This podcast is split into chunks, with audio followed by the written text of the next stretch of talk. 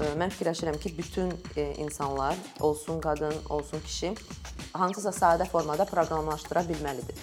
Proqramlaşdırma insana azadlıq verir. Kompüter üzərində adama idarə verir, kontrol verir.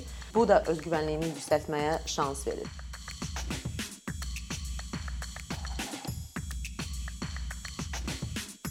Bir çox insanda qadınlar və texnologiya sahəsi bir-biri ilə assosiasiya olunan iki məfhum deyil, iki bir anlayış deyil. Sizcə bu nədən qaynaqlanır ümumiyyətlə? Məncə bu qadınlara qarşı qadınların texniki beyni olmaması belə qərəzli yanaşmadır qadınlara qarşı ümumiyyətlə belə e, humanitar, daha humanitar meylli olduqları iddia olunmuşdu, yəni əsrlərlə e, və qadının texniki məsələlərdə e, başa çıxması, yəni mümkün olmayan bir şey fikirləşilirdi 100 il bundan qabaq da məsələn. Bu məncə daha çox kişi texniki, kişilər texniki fənlərdə daha yaxşı bacarırlar və qadınlar daha humanitar, daha evdarlıq, uşaqlara baxmaq, daha emosiya və kommunikasiya ilə dolu yəni peşələr qadınlar üçün daha uyğundur. Məncə bu oradan qaynaqlanır belə bir fikir, amma bu fikir əvvəlcədən demək istəyirəm ki, çox səhv fikirdir. Çünki belə yəni insanın beynini açanda o nə texniki, nə humanitar deyil. Yəni insanın insan nəyə daha çox meyllidirsə, onları daha çox öyrənəcək və nəticədə daha yaxşı olacaq o sahədə. Belə bir fenomen var. İngilis dilində elə səslənir leaky pipeline of women in tech. Yəni texnologiya sahəsində qadınlar bu sahəyə gəlirlər, təhsil alırlar və kişilərlə eyni səviyyədə nəticə göstərirlər və sonra iş yerinə gələndə onlar hansısa vaxt işləyirlər, yəni 7-8 il və sonra biz görürük ki, onlar qalmırlar texnologiya sahəsində, gedirlər. Mən mənim şəxsi fikrim odur ki, bu texnologiya sahəsinin, yəni tək mədəniyyətinə görədir. Bu mədəniyyət çox maskulin mədəniyyətdir və qadınlar belə bir mühitə gələndə belə mühitdə özlərinin onların öz güvəni düşür. Çünki bu mühit qadınlar tərəfindən qurulmayıb, qadınların sayı texnologiya sahəsində hələ də çox azdır. Başqa bir termin var, boy club testing. Mən onu adlandırıram. Bu yəni oğlanlar klubu klubudur texnologiya sahəsi və texnologiya sahəsinə gələndə oğlanlar başlayırlar qızları test eləməyə. Yəni ki, sən həqiqətən ağıllısan, sənin həqiqətən beynin yerindədir, yoxsa sən sadəcə qəşəng bir qızsan və biz e, gec ya əvvəl başa düşəcəyik ki, sən əslində ağıllı deyilsən. Belə bir e, mühit e, qadınlara, yəni okey, o bir vaxt işləyə bilər bu sahədə, amma bir vaxtdan sonra artıq yəni psixi olaraq dözülmür və qadınlar bu sahədən getməyə başlayırlar. Amma hal-hazırda məncə bu mühit dəyişməyə başlayır, çünki qadınlar danışmağa başlayırlar bu barədə yəni açıq formatda bildirməyə başlayırlar ki, okey, bu mühit e, toksik mühitdir. Qadınlar üçün açıq mühit deyil. E, ona görə e, məncə təşkilatlarda, şirkətlərdə ona görə daha çox inklüzivlik, inklüzivliyə meylli artıq belə yaxşı şey sayılır. Qadınlar artıq bu sahəyə gələndə artıq özlərini ə, sıxılmış hiss eləyirlər. Yəni onlar ya kişi kimi davranmalıdılar, yəni onlar da bully eləməlidirlər.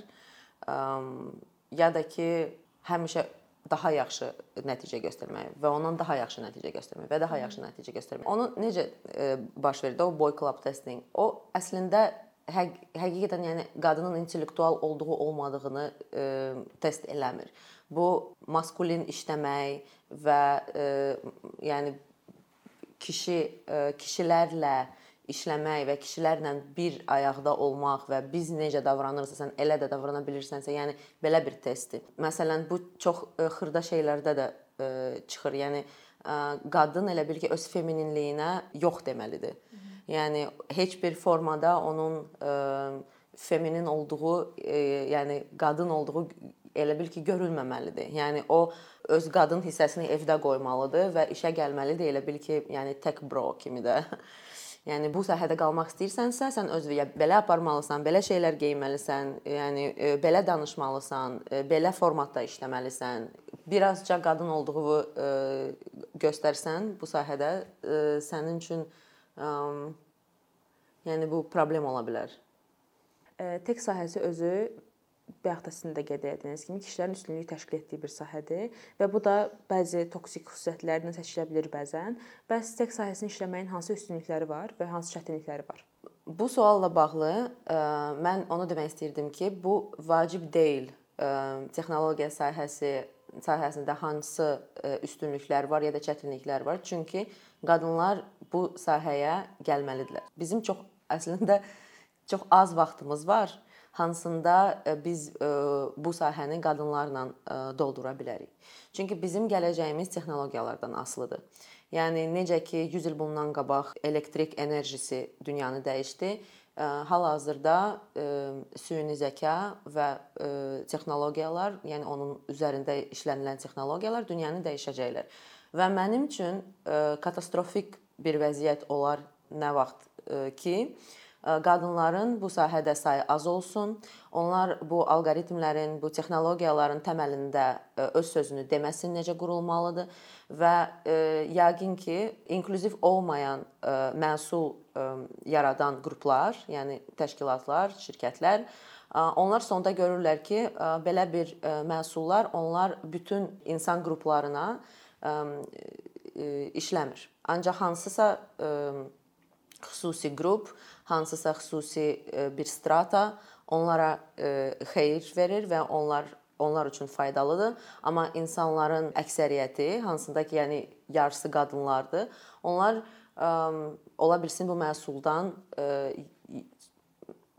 nə qədər yaxşı yararlana bilərlər, o qədər yararlana bilmirlər. Hı -hı. Və ə, bu alqoritmlər, bu ə, yəni yeni texnologiyalar, onlar bizim həyatımız həyatımızı kardinal olaraq, yəni prinsipal olaraq dəyişəcəklər. Və e, bu artıq o sual deyil ki, bura getmək lazımdır ya lazım e, deyil, yəni çətindir, hansı onun üstünlükləri var. Məncə bütün sahələr e, hansısa formada rəqəm rəqəmsallaşacaq. Mənim fikrimcə rəqəmsal savadlılıq çox vacibdir. Çünki biz hal-hazırda qadınları rəqəmsallıqda savadlandırmasaq, o deməkdir ki, biz yenə də eyni halları yaşayacağıq. Məncə gender bərabərliyi və dünyada bir çox iqtisadi problemlər onlar avtomatik olaraq aradan qaldırıla bilər. Qadınların texnologiya sahəsində sayı çoxalsa. Bəs bu rəqəmsal savadlılıq dediyimiz şeyi necə əldə edə bilərlər? Məsəl üçün biz indi bilirik ki, xüsusən orta məktəblərdən, bir çox orta məktəbdə bu artıq qızlara aşılanır ki, sən Məsəl üçün müəyyən qruplar var da, onlar dövlət imtahanı verirlər. Sən bu qruplar üzrə ver, hansı ki, orada sırf humanitar fənlərdir. Hı -hı. Bəs belə bir e, vəziyyətdə qızlar özləri necə bir çıxış yolu tapa bilərlər ümumiyyətlə ki, onlar texnologiyaya necəsə maraqlansınlar və axır əvvəl bu mövzu haqqında e, belə çox bəsit də olsa nəsə bir e, mövzu haqqında ümumiyyətlə bilsinlər, öyrənsinlər. Məncə birincisi belə bir qadınlar özlərinə mentor tapmalıdırlar. Məsələn, hal-hazırda bizim bir çox Azərbaycanda belə təşəbbüslər var, hansılar ki, qadınlara bu sahədə, yəni mentor tapmaq istəyən gənc qadınlara kömək göstərir. Məsələn, Femtech, Tech Centrum, sonra mən əməkdaşlıq etdiyim UNDP-nin mentoring proqramı var, hansında ki, texnologiya sahəsində uğur qazanmış qadınlar daha gənc və bu sahəyə gəlmək istəyən qadınlara tövsiyə tövsiyələrini verirlər, yəni kömək eləyirlər. Məncə mentor tapmaq çox vacibdir. Çünki məsələn bir 20 il bundan qabaq məsələn belə bir resurslar yox idi. Amma indi bu daha çox akselerasiya ilə gedə bilər, çünki resurslar var. Sadəcə motivasiyalı olmaq lazımdır, bu sahəyə gəlməyə həvəsli olmaq lazımdır və utanmamaq. Mən ə, həmişə ə, ə, mənimlə işləyən ə, tələbələrə hamısı həmişə deyirəm ki, qorxmayın, sırtıq olun. Yəni sırtıq olmaqdan bu sahədə qorxmayın, çünki ə, qabağa getmək lazımdır və ə, öz özgüvənliyini yüksəltmək lazımdır. Çünki özgüvən olmadan bu sahədən çox yəni bu sahə adamı sıxa bilər. Yəni sıxıb sındıra bilər. Mən fikirləşirəm ki, bütün insanlar, olsun qadın, olsun kişi, hansısa sadə formada proqramlaşdıra bilməlidir. Çünki proqramlaşdırma insana azadlıq verir. Yəni kompüter üzərində adama idarə verir, kontrol verir və bu, bu da özgüvənliyini yüksəltməyə şans verir. Çünki yəni bir çox yeniyetmə proqramlarında STEM sahəsi niyə daha çox ona daha çox diqqət verilir STEM sahəsinə? Çünki bu insana özgüvən verir. Yəni nəyinsə üstündə hansısa texnologiyanın üzərində idarən varsa, sən başa düşürsən bu necə işləyir, sən artıq ondan qorxmursan. Məsələn, insanların çoxunda texnologiyaya qarşı, gələcəyə, süni zəkaya qarşı qorxu var. Yəni o gələndə nə olacaq? Yəni bəs biz iş, işsiz qalacağıq ya da bizim ə, yəni robotlar, yəni çox həmişə onu deyirəm ki, yəni robotlar gələcək işğal edəcəklər dünyanı. İnsan nə qədər çox öyrənir bu sahədə, nə qədər çox texnologiyalarla ə, yəni yaxın münasibətə girir, texnologiyalara qarşı qorxunu azaldır və onun üstündə kontrol hissini yüksəldir. Və bu ə, insanda artıq problemlər yox, imkanlar görməyə şərait yaradır. Və sən artıq texnologiyalarla işləyəndə, məsələn, proqramlaşdırmanı öyrənirsən. Proqramlaşdırmanı öyrənirsən və sonra fikirləşirsən, "A, mən bu problemi məsələn belə yolla çözə bilərəm." Çünki mən balaca bir proqram yazmağı öyrənmişəm. Yəni bu balaca bir proqram yazmağa, yəni bir dənə, məsələn, bütün proqramçılar birinci yazdıkları proqram Salam Dünya olur da. E, bu yəni insanların çoxu bunu bilir. Bu həqiqətən insana dünyaya pəncərə açır. Yəni sən öz kompüterinin qabağından sən yəni yeni dünyaya, gələcək dünyaya pəncərə açırsan və bu ə, elə bir ə, bacarıqdır. Hansı ki, başqa bacarıqları ə, təkmilləşdirir. Yəni ancaq ə, proqramlaşdırmanı öyrəndim və proqramçı oldum və getdim hansısa şirkətdə işlədim və maaşım yüksək oldu. Yəni bunlar hamısı var. Bu e, biz bir an bundan qabaq danışırdıq üstünlükləri haqqında. Maaşlar çox yüksəkdir. Yəni insan bu sahəyə ona görə gəlmək istəyə bilər ki, okey, mən yüksək maaşlar almaq istəyirəm, yaxşı şirkətdə iş, işləmək istəyirəm və bunların hamısı mümkündür. Yəni hal-hazırda STEM sahəsində təhsil alanlar, onlar girsinlər sadəcə internetə və baxsınlar top 10 ən çox maaş olan peşələr və onların hamısı ya data məlumatla bağlıdırlar, ya proqramçılar, developerlər və bu burada, yəni bu sahədə hamıya yer var. Biz qadınlar bu sahəyə gəlməklə gələcəyi qururuq və biz bu gələcəyi özümüz üçün qurmuruq da. Biz bu gələcəyi bizim yəni nə qız nəvələr, onların qız ə, uşaqları üçün ə, qururuq. Yəni mənim mövqeyim elədir. Çünki yəni biz istəmirik ki, bu dünya, yəni bu ə, gözəl gələcəyin dünyası qadın qadının tövhəsiz tövhəsi olmadan yaransın. Mən istərdim ki, qadınların qadınlar çoxalsın. Çünki qadınlar öz bir-birinə çox böyük kömək göstərə bilərlər.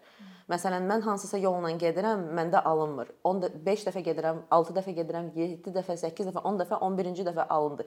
Mən mən mənim yerimə artıq yəni mənim tələbəm o 10 dəfəni get getməli deyil. Yəni mən ona artıq ə, getmək yolunu göstərməklə o artıq uğuruna daha tez çatacaq. Çünki bu belə icma qadınlar texnologiyada ə, xüsusən texnologiyaya gələn qadınlar icmalaşmalıdırlar. Yəni bir-birimizə biz kömək eləməliyik ki, gələcəyin qadınları bizim keçdiyimiz yollardan keçməli olmasın. Çox sağ olun bu gün bizim qonağımız oldunuz. Siz də sağ olun.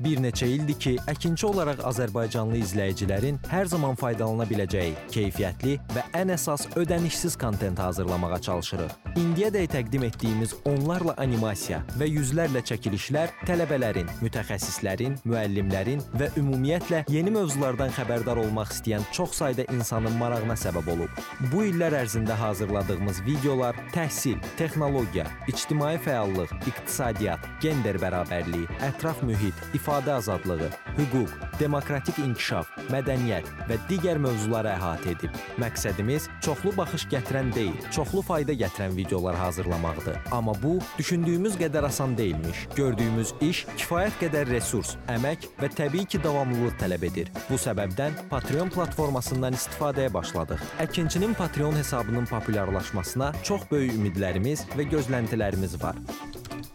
Bəziləriniz Patreon haqqında ilk dəfə eşidirsiniz. Əslində çox sadə izahı olan bir platformadır. Təsəvvür edin ki, siz rəssam və ya musiqiçisiz. Sosial şəbəkələrdə sizi izləyən, işinizi bəyənən çox sayda insan var. Patreon platforması sizə imkan verir ki, izləyicilərinizin könüllü aylıq ödənişləri sayəsində işinizi davam etdirəsiniz. Sərgi, konsert zallarından asılı qalmayasınız. Amma bu təkcə rəssam və musiqiçilərə aid deyil. Məsələn, əkinçiyə bənzər fəaliyyətlə məşğul olan bəzi layihələrin 10 minlərlə patronu var. Biz də düşündük ki, nə üçün əkinçinin Patreon hesabı olmasın? Sizin dəstəyiniz sayəsində biz daha çox və daha keyfiyyətli kontent yaratmağa davam edə biləcəyik. Amma bu dəstək yalnız maddi dəstək deyil. Dəstəkçilərimizin sayının artması gördüyümüz işlərin faydalı olduğuna dair əminlik verir.